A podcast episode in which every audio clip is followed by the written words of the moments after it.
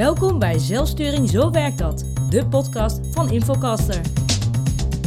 Welkom bij de derde podcast in de serie Zelfsturing Zo Werkt Dat. Die gaat over het zelfsturingsmodel bij het bedrijf Infocaster. Wij gaan het vanmiddag hebben over hiërarchie en ervaring. Tegenover mij staat Sander Hoeken, de oprichter eh, en statutair directeur van Infocaster. En ik ben Joost Ramaar. Welkom, Sander. Ehm, zelfsturing hier bij Infocaster is een zelfsturingsmodel ingevoerd de afgelopen jaren. Dat betekent dus dat er geen hiërarchie meer is in dit bedrijf. Uh, nee, ja, wel. Uh, dat willen we graag. Maar dat, zo werkt het natuurlijk niet. Uh, we hebben ons best gedaan om alle vormen van formele hiërarchie af te schaffen. En um, dan denk je heel snel, dan is er dus ook niemand meer die een zwaarwegender mening heeft dan een ander. Of iets kan zeggen waar anderen naar moeten luisteren, dat is natuurlijk niet het geval. Want als je jaren werkervaring hebt en heel goed weet wat je doet, dan heb je altijd iets meer te zeggen uh, over een onderwerp dan als je net komt kijken. Dus hiërarchie hier, het gebrek aan hiërarchie hier betekent vooral dat je altijd mag meepraten. En dat, je, dat er naar je geluisterd wordt. En dat we elkaar gelijkwaardig behandelen. Um, maar dat moet je vooral niet verwarren met uh, uh, alle handen omhoog, alle stemmen tellen. En dan uh, de meeste stemmen tellen is linksaf. Maar dit is, dit is wat je nu zegt, dat zullen de meeste bedrijven zeggen als je ze, naar, als je ze er naar vraagt. Vooral managers zeggen dat natuurlijk. Nee, ja, ik ben, ik ben, op papier ben ik de baas, maar... En dan komt er een heel verhaal dat ze zich niet zo gedragen. Ja, nou ja, dat is, uh, ik was ook zo'n manager. En um, wat echt super leuk is, dat je ook echt denkt dat het zo is. Dus het grootste, dat je als, vanuit de positie dat je uh, beslissingen neemt, denkt, nou, ik ga gewoon dus, ik ga de beslissing nemen. Maar jongens, ik wil even iedereen's mening hebben. Dus het was mijn idee om links af te gaan. Vinden we het allemaal een goed idee? En als dan niemand uh, het woord neemt, of één iemand zegt, nou, ik heb eigenlijk wel wat aan te vullen, dan is iedereen voor links af. En dan, nou, dan gaan we dus nu links af. En eigenlijk, doordat je zelf al zegt, laten we links afgaan, en ik stel voor, en ik ben ook je manager, dus ik heb ook iets over je te zeggen, is het idee dat je het samen doet helemaal niet waar. Dat is geeft vooral voor jezelf een goed gevoel. Maar in de praktijk is het dan hoogstens nog de extraverte mensen die gaan opstaan en zeggen, nou ik ben het echt niet mee eens.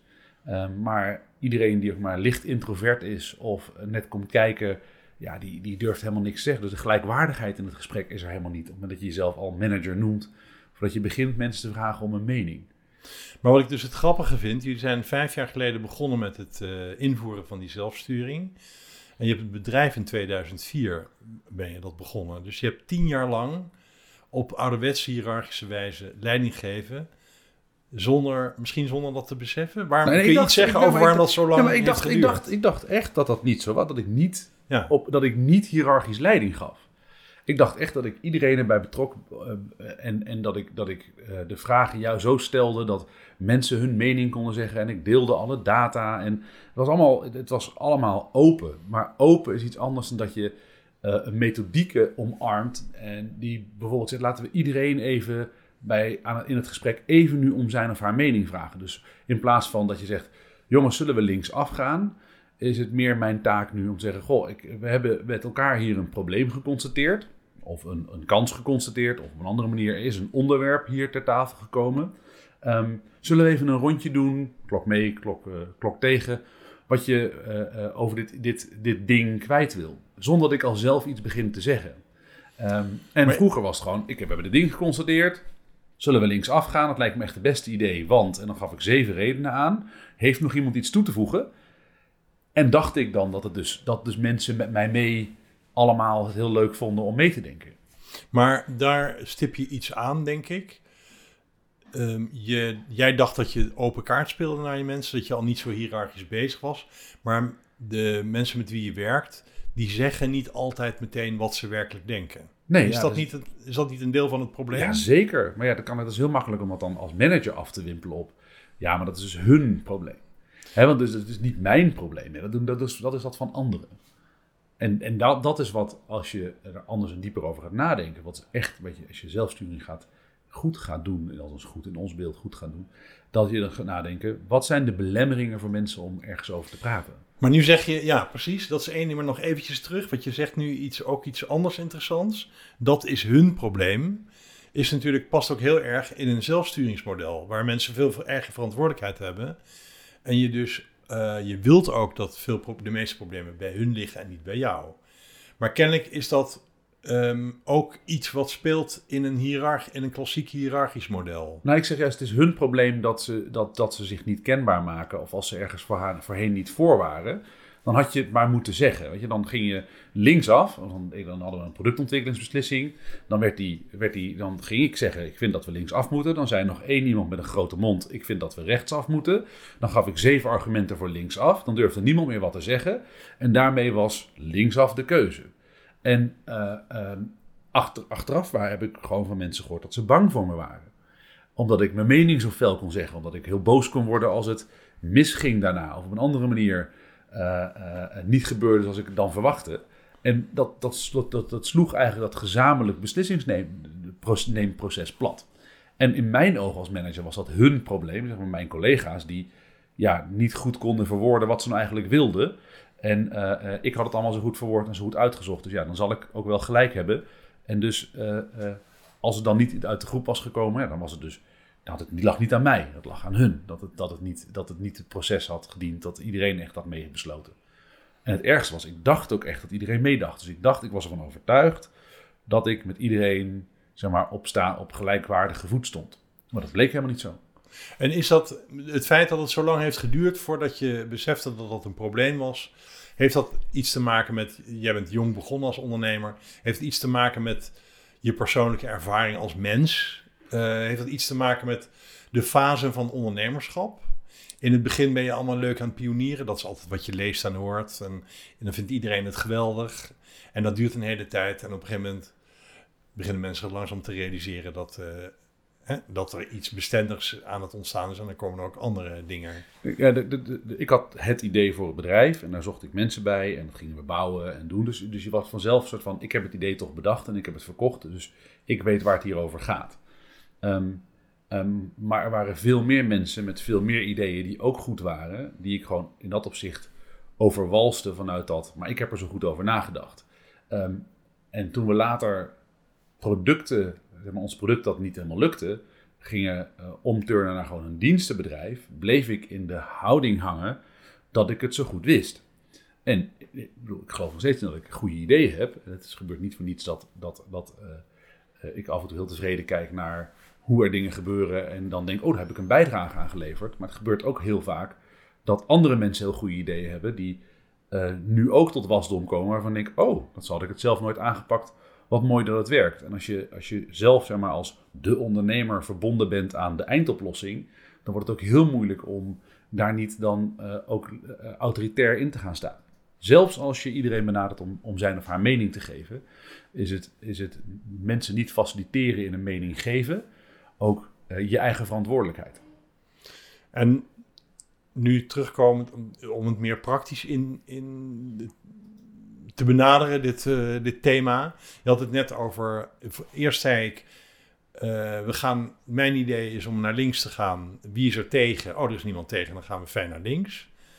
Uh, daarna, nu, nu, gaat het, nu bouw je momenten in waarop je mensen om hun mening vraagt. Ja, nou, we hebben, we hebben eigenlijk heel hard op een gegeven moment als zeg maar, laatste daad als manager, als, als directeur van dit bedrijf, hebben we de directie en de manager zeg maar, het, de, de bevoegdheid om beslissingen nemen uh, ontnomen.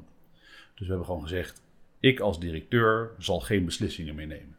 En uh, dat hebben we vastgelegd in onze broncode, een boekje dat uh, al onze medewerkers samen met elkaar ons maken. De eerste editie is merendeel door mij geschreven, maar de, de laatste editie is fijngeslepen door de projectgroep MNO die dat onder zijn hoede heeft genomen.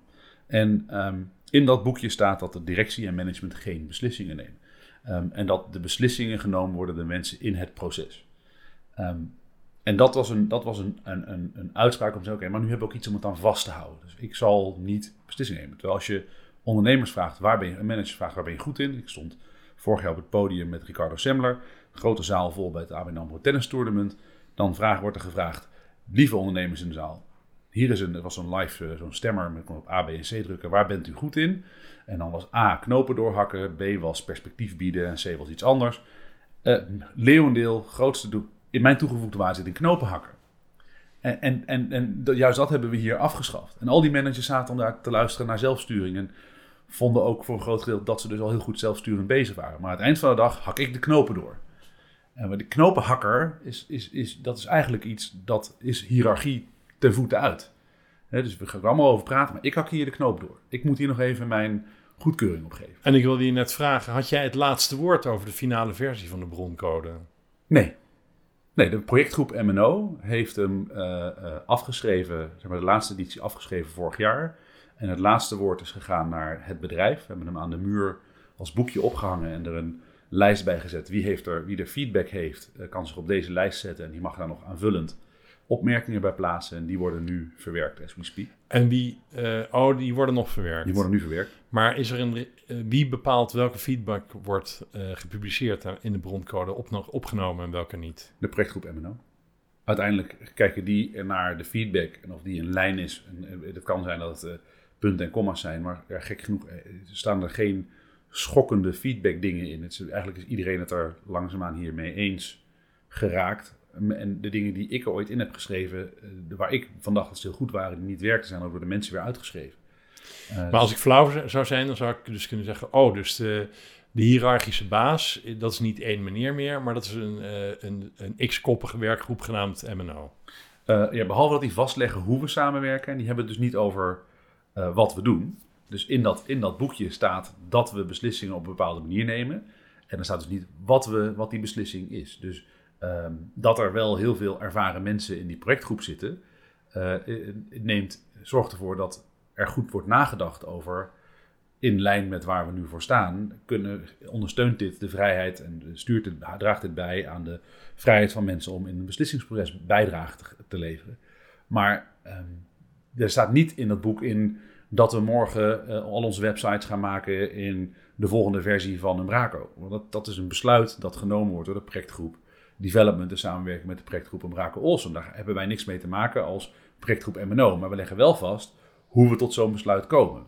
En dat betekent dat dus de karttrekkers, zoals we onze managers hier noemen, van Umbraco Awesome en Development, niet mogen zitten met elkaar en zeggen, nou, zullen we Umbraco 6.0 eh, of 7. whatever afschaffen en naar, eh, naar 8 gaan eh, vandaag? Nee, dat zullen zij in hun projectgroepen moeten voorleggen. En daar mogen ze dus niet zelf een beslissing over nemen. En eh, dan, op dat moment zullen de mensen met de meeste ervaring van Umbraco wel het zwaarste, de zwaarste mening eh, toebedeeld zijn. Dat is logisch. En het meeste aanzien hebben in de groep. Ehm, En nu valt voor het eerst het woord ervaring. Daar moeten we zo nog even apart op terugkomen. Want dat heeft kennelijk, naar jullie gevoel, eh, is dat nou verbonden met het begrip hiërarchie.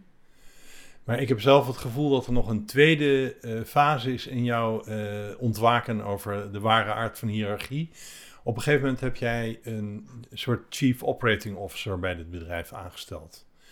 Was dat vanuit het idee van ja, ehm, ik had dat iets te maken met jouw klassiek hiërarchisch gedrag tot op dat moment en jouw onvrede daarover of jouw gevoel dat het niet goed functioneerde? Maar dat, dat is eigenlijk gegaan omdat ehm, we kregen veel klanten en we kregen veel nieuwe klanten. En het, eh, de span of control was groter dan mijn creativiteit aankon. En, dan- leer je in alle boekjes dat je een operationeel manager moet aannemen. Dus dan kom je van school, zo, kom je, zo zegt iedereen je ook. Ja, dan is nu tijd om iemand aan te nemen die de projectmanagement taken op zich gaat nemen en naar een hoger niveau, zeg maar, zich dan ook gaat bemoeien met alles. En laat hij dan maar even operationeel manager noemen. Eh, omdat eh, als creatief, wat ik meer ben, het niet, meer mogelijk was om op die groeiende organisatie op alles controle te houden. En dus moet je iemand anders een deel van jouw controle uit handen geven, zodat het hele proces wel efficiënt gaat lopen. Dus die maak je verantwoordelijk eigenlijk voor. Zorg er nou voor dat die productie goed onder controle komt. Want ik ben al, al druk genoeg met die klant en het concept. Ga jij nou de productie regelen? En dan kan jij alle mensen aansturen die dat productieproces gaan doen. Zo word je opgeleid. En dan heb je daar, heb je, denk je, gelijkwaardige gesprekken mee. En die heeft, denk je, gelijkwaardige gesprekken met de mensen. Uh, maar niks anders blijkt dan, uh, dan waar te zijn. Nee, want dan heb je dus eigenlijk, maak je dan van één Mr. Hierarchy, maak je twee Mr's Hierarchy. Ja, en, en die onderling ook weer hun eigen dynamiek ja. hebben. En, en, en je, het, de openbaring kwam toen we hadden gezegd dat iedereen zelf zeg maar, mocht kiezen waar hij merendeel aan wilde werken. Dat op, op een goede dag was, was hij er niet. En eh, was op vakantie en toen wist niemand meer wie wat moest gaan doen. En dat vond ik zo raar, want toen waren we inmiddels al een beetje in dit proces bezig. Ik dacht, hoe kan dat nou? Want, want eh, de- iedereen heeft toch meegedacht aan wie wat ging doen. En in plaats van mijn oude gedrag doen, dan om naar het bord te lopen. Oké, dit zijn alle klanten die we hebben. Piet, jij gaat dit doen. Hein, jij gaat dat doen. Een soort verkeersregelaar. Ik ga nu iedereen een plek geven. Heb ik gewoon alle projecten in het midden van de ruimte op dat bord laten staan. En ik ben er omheen gaan staan. En ik heb gewoon gevraagd: Oké, dit moet allemaal af, kennelijk. Ehm, hoe gaan wij dit met elkaar afkrijgen? En ik heb een stap naar achter gedaan. En, en toen het gesprek laten, la- la- la- laten gebeuren. Ah, maar dat was dus eigenlijk, was dat het eerste moment waarop jij je niet als Mr. Hierarchy gedroeg? Toen heb ik, dat, was, dat waren echt momenten, eh, dat was helemaal in het begin van dit proces, dat ik doorhad dat als ik ook maar de eerste initiatie doe van een idee, eh, dat vanuit de positie die, die, ik, eh, die ik altijd bekleed had en, en, en nog steeds heb, statutair directeur, want ja, de wet schrijft namelijk voor dat een BV een statutair directeur heeft. Ja. En die zal een aandeelhoudersvergadering doen en al dat soort dingetjes. Ehm, eh, was ik gewoon dat, was het voor het eerst dat ik dacht, oké, ik moet dus echt gewoon helemaal niks zeggen. Ik moet, ik moet gewoon zeggen, oké, dus we weten niet wat we moeten gaan doen.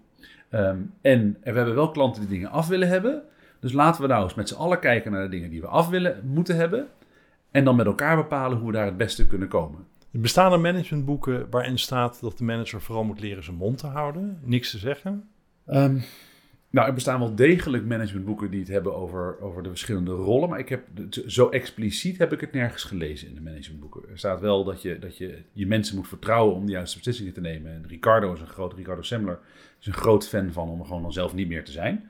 Dus die zegt gewoon, ik bezoek gewoon de fabriek niet meer. En dan na een tijdje ontstaat er vanzelf een soort van, oh de baas komt echt niet, nu moeten we echt wat gaan doen. Ehm, maar zo expliciet als dit, van je mag wel bij het gesprek zijn en dingen roepen, maar je mag absoluut niet zeggen: eh, dit, is, dit is wat we moeten gaan doen. Eh, of daartoe uitgenodigd worden. En dat is veel meer: eh, mag, ik, mag ik wat van je kennis hebben? Dus dat je veel meer de vraag krijgt van een groep mensen: Goh, Sander, wil je er even bij komen? Want we hebben hier een complex probleem. En nou, je bent goed in dit, dit soort problemen. Dus zou je ons willen helpen om eens kijken hoe we dit probleem kunnen oplossen? Dat, dat is nou, heel erg bevredigend als dat gebeurt. En dan is het ook niet, dan kan je gewoon weer creatief zijn en zeggen wat je ergens van een probleem vindt, zonder dat mensen dat ook direct als instructie aannemen. Want het gebeurt dan heel vaak dat mensen zeggen, nou, we hebben naar je geluisterd, het was ontzettend interessant, ehm, maar we gaan toch anders doen. En dat is dan ook goed, want je hebt gewoon wat kleur gegeven aan het gesprek. Maar dat eerste moment is natuurlijk heel spannend. Eerste keer dat jij eh, tegen de groep zei: Oké, het is duidelijk wat er moet gebeuren. Maar eh, doe vooral, eh, be my guest. Doe een voorstel hoe we al deze klussen gaan klaren. Want dan denkt iedereen nog: Het is of hiërarchie of anarchie, toch? Het wordt nu chaos. Want iedereen gaat door elkaar roepen. Wat gebeurde er toen? Nou, dat, het was, eerst was het eh, stil en toen zei iemand, oh, ik wil dat wel doen. En toen zei iemand anders, ja, maar dit wilde ik eigenlijk gaan doen. En eh, dan leer je heel snel dat je moet gaan, dat je, dat je taak als manager, zeg maar traditioneel manager, dus echt verandert naar, wacht even, wie pakt hier nou altijd het woord? Eh, hoe zorg ik ervoor dat die persoon die eigenlijk even niks zegt, die heeft misschien ook wel goede ideeën, kan, ik, kan ik hem of haar even het woord geven? Om te kijken of, of die ook een idee heeft. Of dat hij gewoon niet durft te praten. Dus dit leren was voor mij echt een, een, een enorm interessante ervaring. Dat ik in één keer door had. Mijn rol is dus niet meer om ervoor te zorgen dat er elke klant een, een, een, naampje staat. Want dat snapt iedereen. Dat kan eigenlijk iedereen wel. Maar mijn rol is meer dat, dat achter iedereen's naam, eh, achter iedere klant een naam komt te staan die in een goed groepsproces is ontstaan. En ik moet dus veel meer verantwoordelijkheid nemen over het groepsproces. Inclusief mezelf daarin onder controle houden. Dan dat ik, eh, eh, dan dat ik zelf eh, zeg maar, het voorbeeld neem en zeg... Oh, maar Piet, je bent echt ontzettend goed in technologie A. En die klant heeft technologie A nodig. Is, is dit iets voor jou? En wat je dan wel op een gegeven moment kan zeggen... als je dat bord ziet ontstaan en zegt... Goh, ik zie dat hier Piet staat op klant B... Maar weet je dat klant A deze technologie gebruikt en klant B een andere technologie gebruikt? Is dat hier bekend? Want wil ik even zeker weten dat we in onze besluitvorming hebben meegenomen. Ja, ik wou net, ik wou net zeggen, dus misschien heb je aan die, eh, in plaats van dat jij zegt van, Piet, jij bent heel goed in technologie A, dus misschien moet jij dit gaan doen. Dat je eh, als iemand eh, dus in die eerste bijeen, die cruciale eerste bijeenkomst zegt van, ik wil dit wel doen na die stilte. Dat je dan vraagt, waarom, waar, waarom wil je dat zo graag doen? En Ja, dat dat- hij dan uit zichzelf zegt, Nou, ik denk dat ik de skills heb die ervoor nodig zijn. En bovendien, ik vind die klant leuk. Of zo. Ja, bijvoorbeeld, er zijn, er zijn heel veel manieren om dat te doen. Je kan ook, je, je, kan ook gewoon, eh, in plaats van wachten tot ja, maar het voornaamste is dat ze dat zelf zeggen. Ja, maar je moet dus niet gaan invullen. Op het moment dat je als vanuit een leiderschapspositie, of die nou formeel of informeel is, hè, dus iemand met heel veel ervaring of iemand met heel veel expertise of iemand die gewoon statutair directeur achter zijn naam heeft staan als je de Kamer van Koophandel opzoekt. Eh, op het moment dat, je die persoon alvast iets laat inkleuren, dan nemen mensen een idee aan als een instructie. En eh, het duurt heel lang voordat je daar ook bij weg bent. Ik heb nu pas, denk ik, sinds anderhalf jaar, en dit, dit moment is een jaar of vier, vijf geleden geweest, maar pas, pas een anderhalf jaar weer het idee dat ik bij heel veel projectgroepen, heel veel activiteiten die we doen, echt lekker kan inleunen op de inhoud, zonder dat mensen mijn mening als de waarheid zien. Zonder dat mensen zeggen, oh Sander heeft gezegd, dus dan moeten we dit zo doen. Eh, eh, en dat, dat, heeft, dat heeft echt lang geduurd, wat die organisatie weerbaar is geworden voor het verleden. Met hoe het vroeger was. En dus eigenlijk, eh, dat, dat zit gewoon heel lang vast in, En hoeveel mensen die er toen werkten, werken hier nog steeds? Nu? ik denk een, een stuk of tien. Van de Van inmiddels de 15 40. toen. Ja, we zitten, ja, zoiets, 45 mensen zijn we nu. Dus, de, de, de- rond die koer. Dus een kwart van de mensen is belast met dit Met het verleden. Ja, en, en een ander is dat mensen die vanuit een ander bedrijf komen. eh, en, Ja. en onze, onze, onze, Die zijn belast met een ander Ja, verleden. die, die hebben als we een ander verleden. En dat noemt eh, Lissa, die bij ons eh, zich heel veel bezighoudt met, met MNO en HR-zaken. Dat zijn dan mensen met een rugzakje. Dat vind ik zo'n mooie omschrijving. Want die nemen al hun, hun gedrag mee zoals we dat ooit zagen. En hoewel we zeggen dat het die anders is, blijkt dat dan toch echt anders soms te voelen. Een rugzakje vol bakstenen dus eigenlijk. Nee, ik heb geen oordeel over het rugzakje. Er is een rugzakje met ervaring en daar moeten we rekening mee houden. Rugzakje vol bakstenen is, eh, vind ik, ja, er zitten ook goede dingen in. Eh, eh, want namelijk, het kan ook zijn dat mensen hier na tien jaar een, een, een, een ander beeld van de werkelijkheid hebben gekregen dan het bedrijf dat we nu zijn. Omdat we vijf jaar geleden nog boven een kroeg zaten en nu een officieel kantoor hebben. Allemaal dingen die, dus misschien hebben we allemaal wel een rugzakje mee. Alleen het is voor ons heel duidelijk, als je bij een hiërarchisch bedrijf ko- wegkomt, wat voor soort rugzakje je mee hebt. Oké, de, ehm, je zijn toen...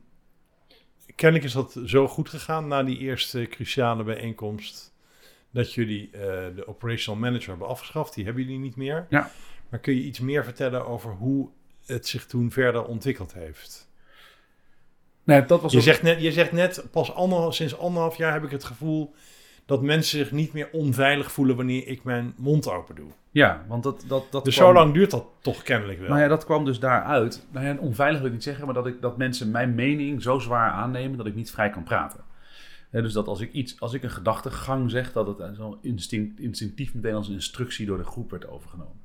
Ehm, wat, wat het, wat het eh, zeker in het begin heel erg was, dat toen we, die, die, toen we dus in kringetjes gingen staan en niet meer gingen zitten en met z'n vieren gingen overleggen, maar met z'n acht of met z'n tienen in een kringetje even gewoon snel gingen zeggen wat we echt ergens van vonden. Wanneer, wie heeft dat dan bedacht? Dat kwam uit Martijn Schorda heeft die, eh, dat hier geïntroduceerd. Wanneer? In, eh, in, in 2014? 2015. Rond die, eh, rond die koers. Is grappig, want eh, er zijn ook historische voorbeelden van. Bijvoorbeeld, ik kan me herinneren dat de redactie van het dagblad Le Monde vroeger altijd staand vergaderde iedere dag. Nou ja, je, je kan je niet verschuilen achter je bureau. En je Dat- staat er als heel mens. En als iedereen staat, is, er ook geen, is de hiërarchie in de zaal minder duidelijk, denk ik.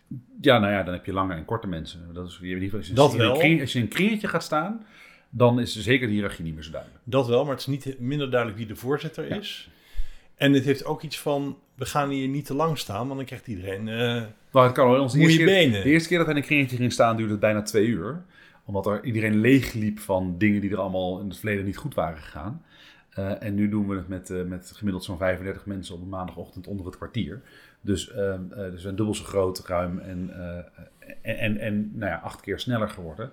Maar wat, wat er het leuke aan is als je er zo staat, dat je, dat je, dat je gewoon heel, dat je, dat je niet verschuilt. En dat je dus, Ja. op een gegeven moment gingen mensen gewoon ook eerlijk na een tijdje tegen mij zeggen: ja, als je vroeger aan mijn bureau kwam, dan, dan, dan, dan sidderde het al van: God, het zal wel allemaal weer niet meer goed zijn. Of, het is, en en ehm, dat heb ik gewoon nooit gezien. Ik heb dat nooit gevoeld. Ik heb altijd gedacht: als ik aan een bureau kom, wat leuk, dan kan ik mensen zeggen wat er allemaal nog beter kan. Gewoon even het, het idee van, van wat ik toevoegde in het gesprek versus hoe anderen dat zagen, was een soort van: ik bracht onveiligheid. En ik dacht dat ik leuke ideeën bracht. Dat had ik echt nooit verwacht. En ehm, in mijn oude ik misschien ook wel gezegd, ja, dat is dan ook meer hun probleem, want ik ben gewoon goed.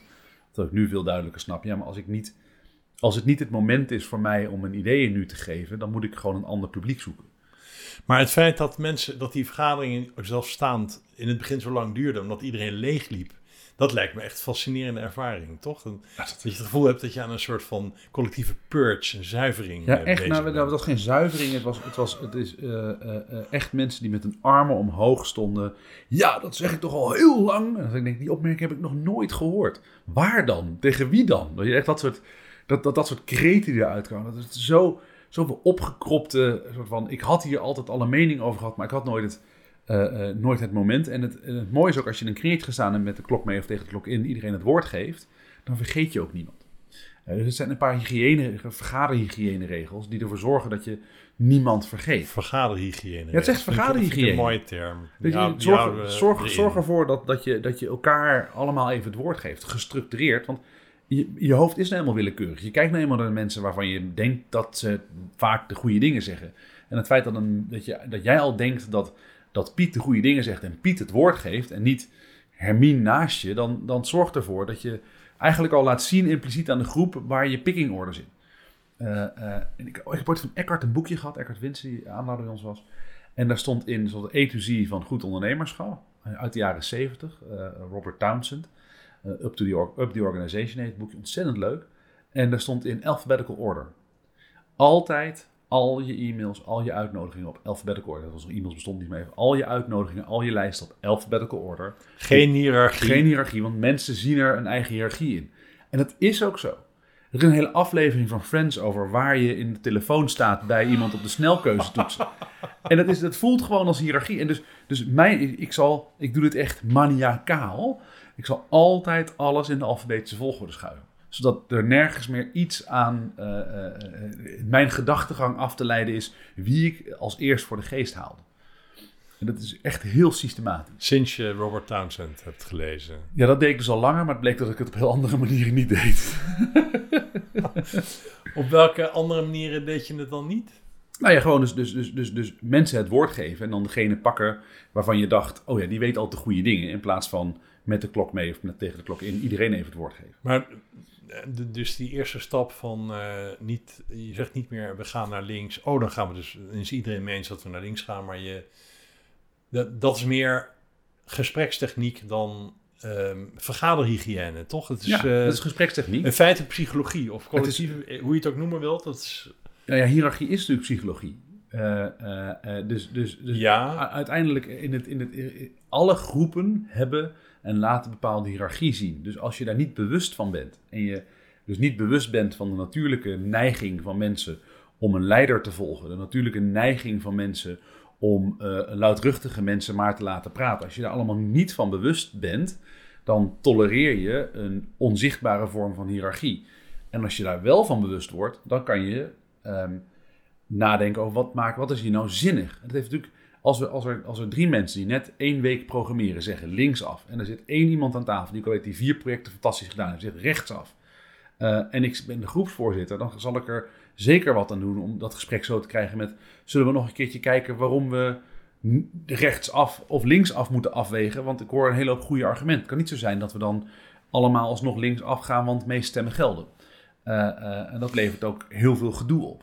maar misschien kun je, is het ook weer niet handig om dan te zeggen, ja sorry, dit is een beetje detailwerk, maar volgens mij gaat het, is dat wel heel belangrijk hier. Waarschijnlijk is het ook niet in die dienstig om dan tegen die drie linksaffers te zeggen van, jongens, zie je dat? Hij wil rechtsaf en hij heeft de meeste ervaring hier. Nee, maar je kan wel zeggen, goh, hebben we alles nou, hebben we alles meegenomen in deze overweging? En dan kijken of je Dus nog je moet, al, je moet ieder gesprek zo sturen, of iedere interve- interventie moet zo zijn dat de ander denkt dat het zijn idee is. Nou, het is, het is, het is zoals Martijn Schorder, met wie ik dit pro- proces echt in ben gegaan, die zegt heel mooi, eh, laten we het in het midden leggen.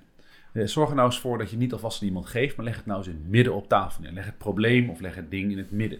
Ehm, en, en dan laat dan de- zeg maar, met gesprekstechnieken iedereen er wat van vinden. En het is gewoon eigenlijk nog nooit voorgekomen dat drie heel onervaren mensen linksaf zeiden en heel ervaren iemand rechtsaf zei. Maar het is in de kern wel zo natuurlijk dat eh, het wel gewoon een vorm van hiërarchie is. Dat mensen met veel kennis en veel ervaring nu eenmaal een, een zwaardewegend stempel drukken op een groep. Een zwaarde stempel drukken op de groep. Dus dat hoort daarbij. Uh, en het is alleen voor, voor het bedrijf zo dat we moeten, ervoor moeten zorgen dat die persoon dan niet in zijn eentje maar beslissingen gaat nemen. Precies. Dat wij mensen coachen en dat we zeggen, wacht, we hebben hier een handboek. Hierin staat dat de kartrekker, onze managementfunctie van een discipline, uh, niet alsnog zijn beslissingen gaat doordrukken. Maar dat het, dat het met consent is, dat we daarover hebben gepraat en dat we het op hebben gepraat op een manier die voldoet aan, aan, aan recht doet aan het feit dat iedereen echt inspraak heeft. Als ik het goed heb geteld, valt de term ervaring nu voor de derde keer. Wat is nou precies het verband met hiërarchie? En hoe ga je met ervaring om?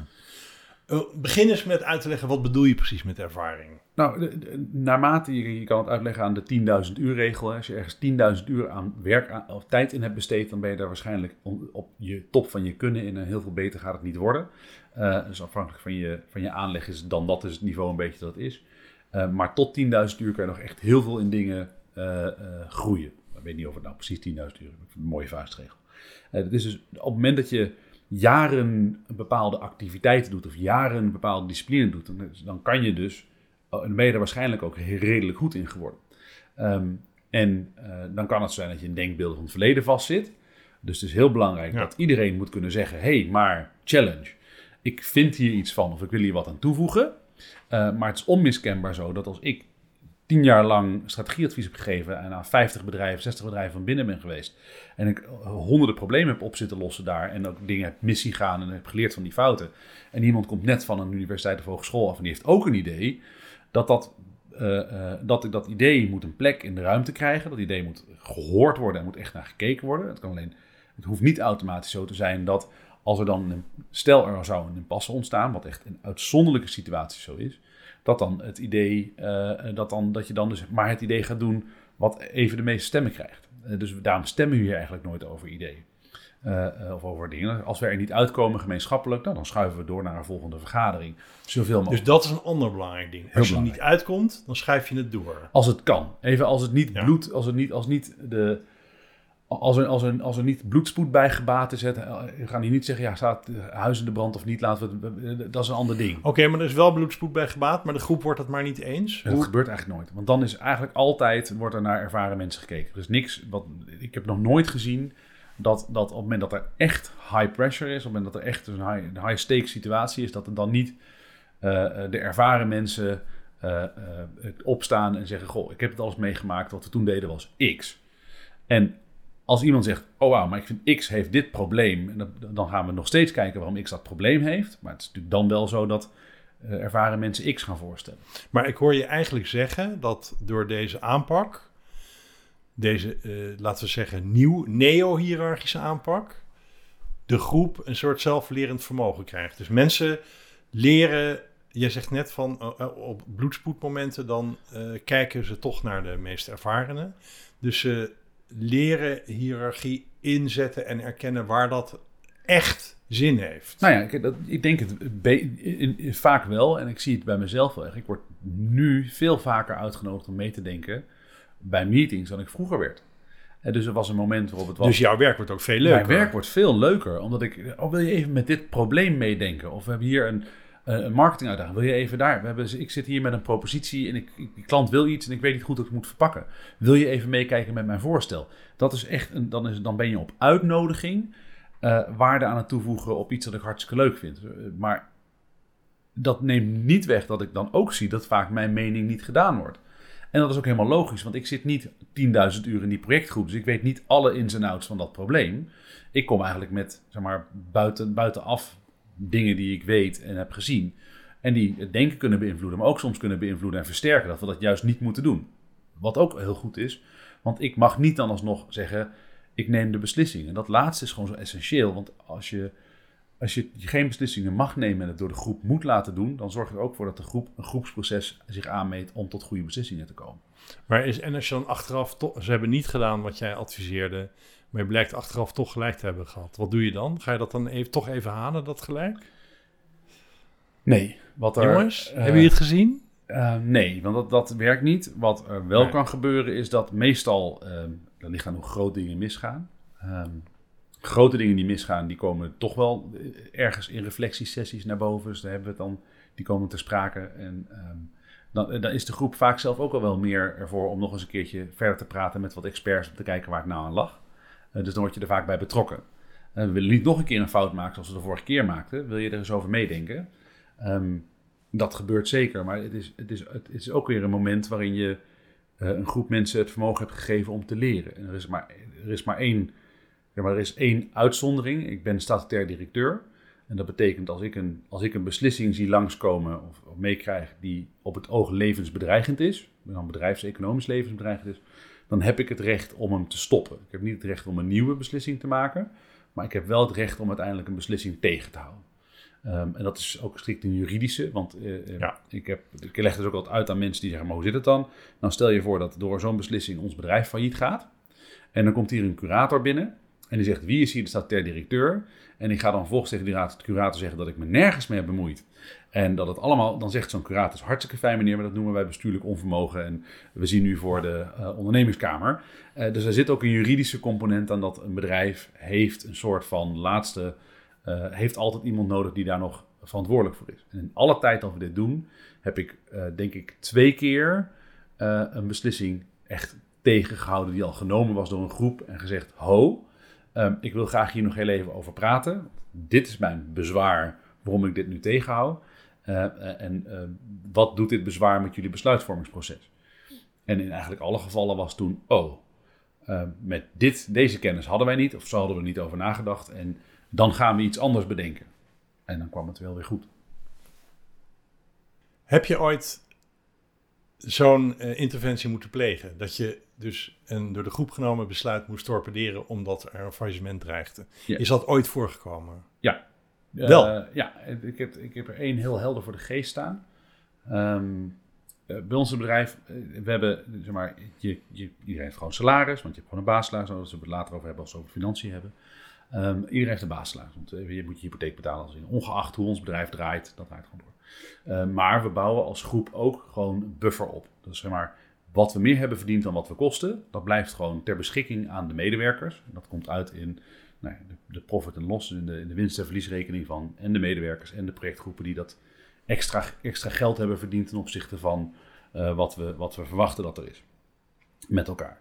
En um, dat bouwen we op. En iedere maand, als dat het bedrag hoog is, dan moet je denk ik gemiddeld gezien uh, ongeveer tussen de 80 en de 100.000 euro. En dan zakt wel eens een keertje naar 50, maar even de basis. is altijd echt wel een serieus bedrag dat we hier met z'n allen hebben klaarstaan voor de toekomst. Ook we ook met onze rug van de muur af beslissingen kunnen nemen. Dat we een keer als de maand niet zo goed gaat, niet meteen in paniek zijn. Um, en het initiatief was gekomen door de projectgroep Finance, om, omdat er uh, uh, net een paar grote betalingen waren binnengekomen, dat we 100% van dat bedrag gingen uitkeren. En ik had al in de pipeline gekeken en de liquiditeit naar de toekomst. Dacht ook, ik moest een vakantiegeld uitkeren of andere dingen. En uh, nou, er stonden, wat grote, er stonden nog een paar flink grote posten open die ook aan moesten komen. Dus ik zag gewoon, nou, wat als dat wat langer duurt? Dan hebben we gewoon hier een risico dat we in een liquiditeitsknijp komen. En het is ook niet zo'n handig signaal, want dan gaat iedereen daarna weer onwijs paniekerig zijn over hun financiën. Want ik sta, iedereen staat op nul. Uh, en, en, en, en wat dan en hoe dan? Even dan, dan, hebben we, dan is er niks meer. Uh, en dan moeten we dus allemaal weer gaan haasten om weer gehaast voelend van, oh jee, we, we hebben te weinig uh, gespaard voor de toekomst. Dus dat besluit van de projectgroep Finance om uh, eh, 100% van die pot uit te keren, heb ik ooit een keertje gevetood. dat is wel heel boeiend, dat jij de projectgroep Finance moest torpederen, ja. omdat anders misschien nou, een faillissement niet dreigde, maar wel een liquiditeitscrisis. Ja. Maar alle, alle, alle, alle ratio's stonden heel gezond. Dus de projectgroep Finance zag niet in waarom we dat niet kon. En, uh, en ik was toen van, van mening dat dat, dat, dat onverantwoord was. Uh, en dit zijn typisch het soort dingen waar je dan als bestuurder ook echt risico loopt. Uh, dus net als dat je een enorme ja. dividendsuitkering zou doen, terwijl je dan twee maanden later iets aan de hand hebt, dan heb je gewoon echt een probleem. En ik heb deze toen getorpedeerd en even teruggebracht met mijn redenen. Van oké, okay, ik zie dit, dit is wat ik zie. Alle, ik snap dat alle, alle lampjes op groen staan, maar ik zie even dit en dit en dit. En dat in mijn totaalperspectief um, uh, geeft, geeft, maakt me wat zorgen over. En uh, ik zou graag willen dat deze, dit, dit, besluit wordt her, uh, heroverwogen. Ja, nou, de, de, de geschiedenis van het bedrijfsleven is bezaaid met voorbeelden van bedrijven die niet in de gaten hebben gehad dat ze besluiten namen die later leiden tot een faillissement, zoals je ook heel goed weet. Dus wat ik, de boodschap die ik hier aan overhoudt, aan dit laatste verhaal, en die ik wel een mooie afsluiter vind ook, is dat jij hebt door die hiërarchie af te schaffen en die zelfsturing in te voeren, zelf een heel andere rol gekregen. Ja. En die rol is eh, een- een- op een bepaalde manier heel beperkt. Maar daardoor houd je misschien ook veel scherper wat je ultieme verantwoordelijkheid is hier. En, en één daarvan is de onderneming voor de ondergang behoeden als die dreigt. Ja, de- de- even de- de- dat ondernemen voor de ondergang. Ook vanuit je persoonlijke aansprakelijkheid als bestuurder. Die, die is echt gewoon een, dat is gewoon een hele keiharde, dat is ook een veel zachtere. En die gaat op gewoon op onze ethiek. Dus als, eh, eh, eh, wa- waar je dus veel meer op gaat zijn, is nemen we hier de beslissingen is in de goede geest? Zijn we hier gezond bezig? Is hier een veilige werksituatie? Er is een prachtig boek uitgekomen door Amy Edmondson, net van Harvard, eh, over, over eh, organisatorische veiligheid. De Fearless Organization heet dat boek. En dat gaat alleen maar over teams die zich veilig voelen om het te kunnen hebben over het maken van fouten. Die, die durven zeggen dat er dingen beter moeten zonder dat ze daarvoor het idee hebben dat ze afgestraft worden. Die functioneren veel beter. En halen op lange termijn veel betere resultaten. En dus alles wat ik doe hier in eh, dat als, als ik echt cultureel uitwassen waarneem van hey, of ik signalen krijg van dingen die misgaan, daar, daar moet ik gewoon op aangaan. Maar dat is de rol van elke cultuurdrager in deze organisatie. Dat je meteen mensen die misschien wel andere normen en waarden meenemen vanuit een verleden. Dat je hier krijgt naar onze waarden en standaarden, zodat we die, die stap kunnen zetten naar eh, dat iedereen weer eh, die plek voelt en zich gewaardeerd voelt om, om ook eh, die feedback te geven. En daar heb ik niet echt zozeer een hiërarchische rol, maar samen met mijn collega's, eigenlijk iedereen die in die leiderschapspositie zit, hebben we daar een gezamenlijke verantwoording. En een statutaire verantwoording is nog heel goed op de cijfers letten. Dat je niet eh, overspent, omdat je ja, daar gewoon net iets meer ervaring op hebt. Dat, En die ethische component, hoe ver zijn jullie met het realiseren daarvan? Oh, heel ver. We hebben eh, eh, in, in de broncode een aantal uitspraken gedaan. Er staan een aantal uitspraken over gelijkheid, gelijkwaardigheid, wat we daarmee bedoelen. Over dat er voor iedereen een plek moet zijn, maar ook praktisch. we hebben hier net zo gewoon, we hebben een goede vertrouwenspersoon geregeld die, zover we weten, nog nooit is benaderd. Eh, we hebben, eh, eh, want dat is ook echt buiten de organisatie. We hebben, eh, iedereen gaat naar leiderschapontwikkeling trajecten om, om beter te leren wie ze zijn. En er wordt gewoon heel goed nagedacht over hoe we met elkaar omgaan. En daar wordt ook heel veel bewust aandacht in gestoken. Eh, want als je uiteindelijk, wat wij deden en wat ik zelf deed, is echt een hele interessante. Ik, was, ik, ik vond het wel leuk om een beetje sarcastisch te zijn af en toe. Maar sarcasme zijn grapjes. Vind ik ook altijd leuk, Ja, ja. is heel leuk. Superleuk. Uh, uh, dat hou ik nu thuis van mijn beste vrienden, voor feestjes en partijen. Uh, in dit bedrijf maken we geen grappen die over anderen gaan. Uh, we doen het, hoe leuk het ook klinkt, we doen het gewoon niet meer. Het is daarmee een tijdje lang ook best wel saai geweest. Ja, dat waar is de humor gebleven. Uh, en, maar je leert eigenlijk heel snel dat als je, als je uiteindelijk als twee volwassenen met elkaar goede gesprekken kan maken. En als die vertrouw, dat vertrouwen er is, dan kan je weer gaan ginnegappen. Dan kan je weer jolig worden, dan kan het weer leuk. Alleen er is heel veel vertrouwen voor nodig. En als je begint met jolig en begint met grappen maken, dan is het juist precies het omgekeerde. Dus er zit echt Oh, een heel ook heel belangrijke interessant. component is dat echt om uh, ons uiterst fatsoenlijk met elkaar om te gaan.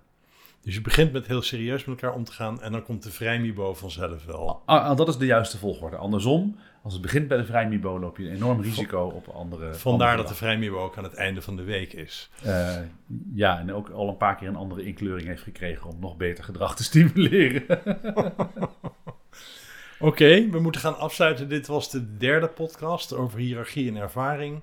We werken toe naar een event op 18 april waar uh, de zelfsturing bij Infocaster uh, uitgebreid aan de orde zal komen, waar ook een boek zal verschijnen over dit model en over de ervaringen tot dusver daarmee. Tot de volgende podcast. Dankjewel Sandra. Dankjewel Joost.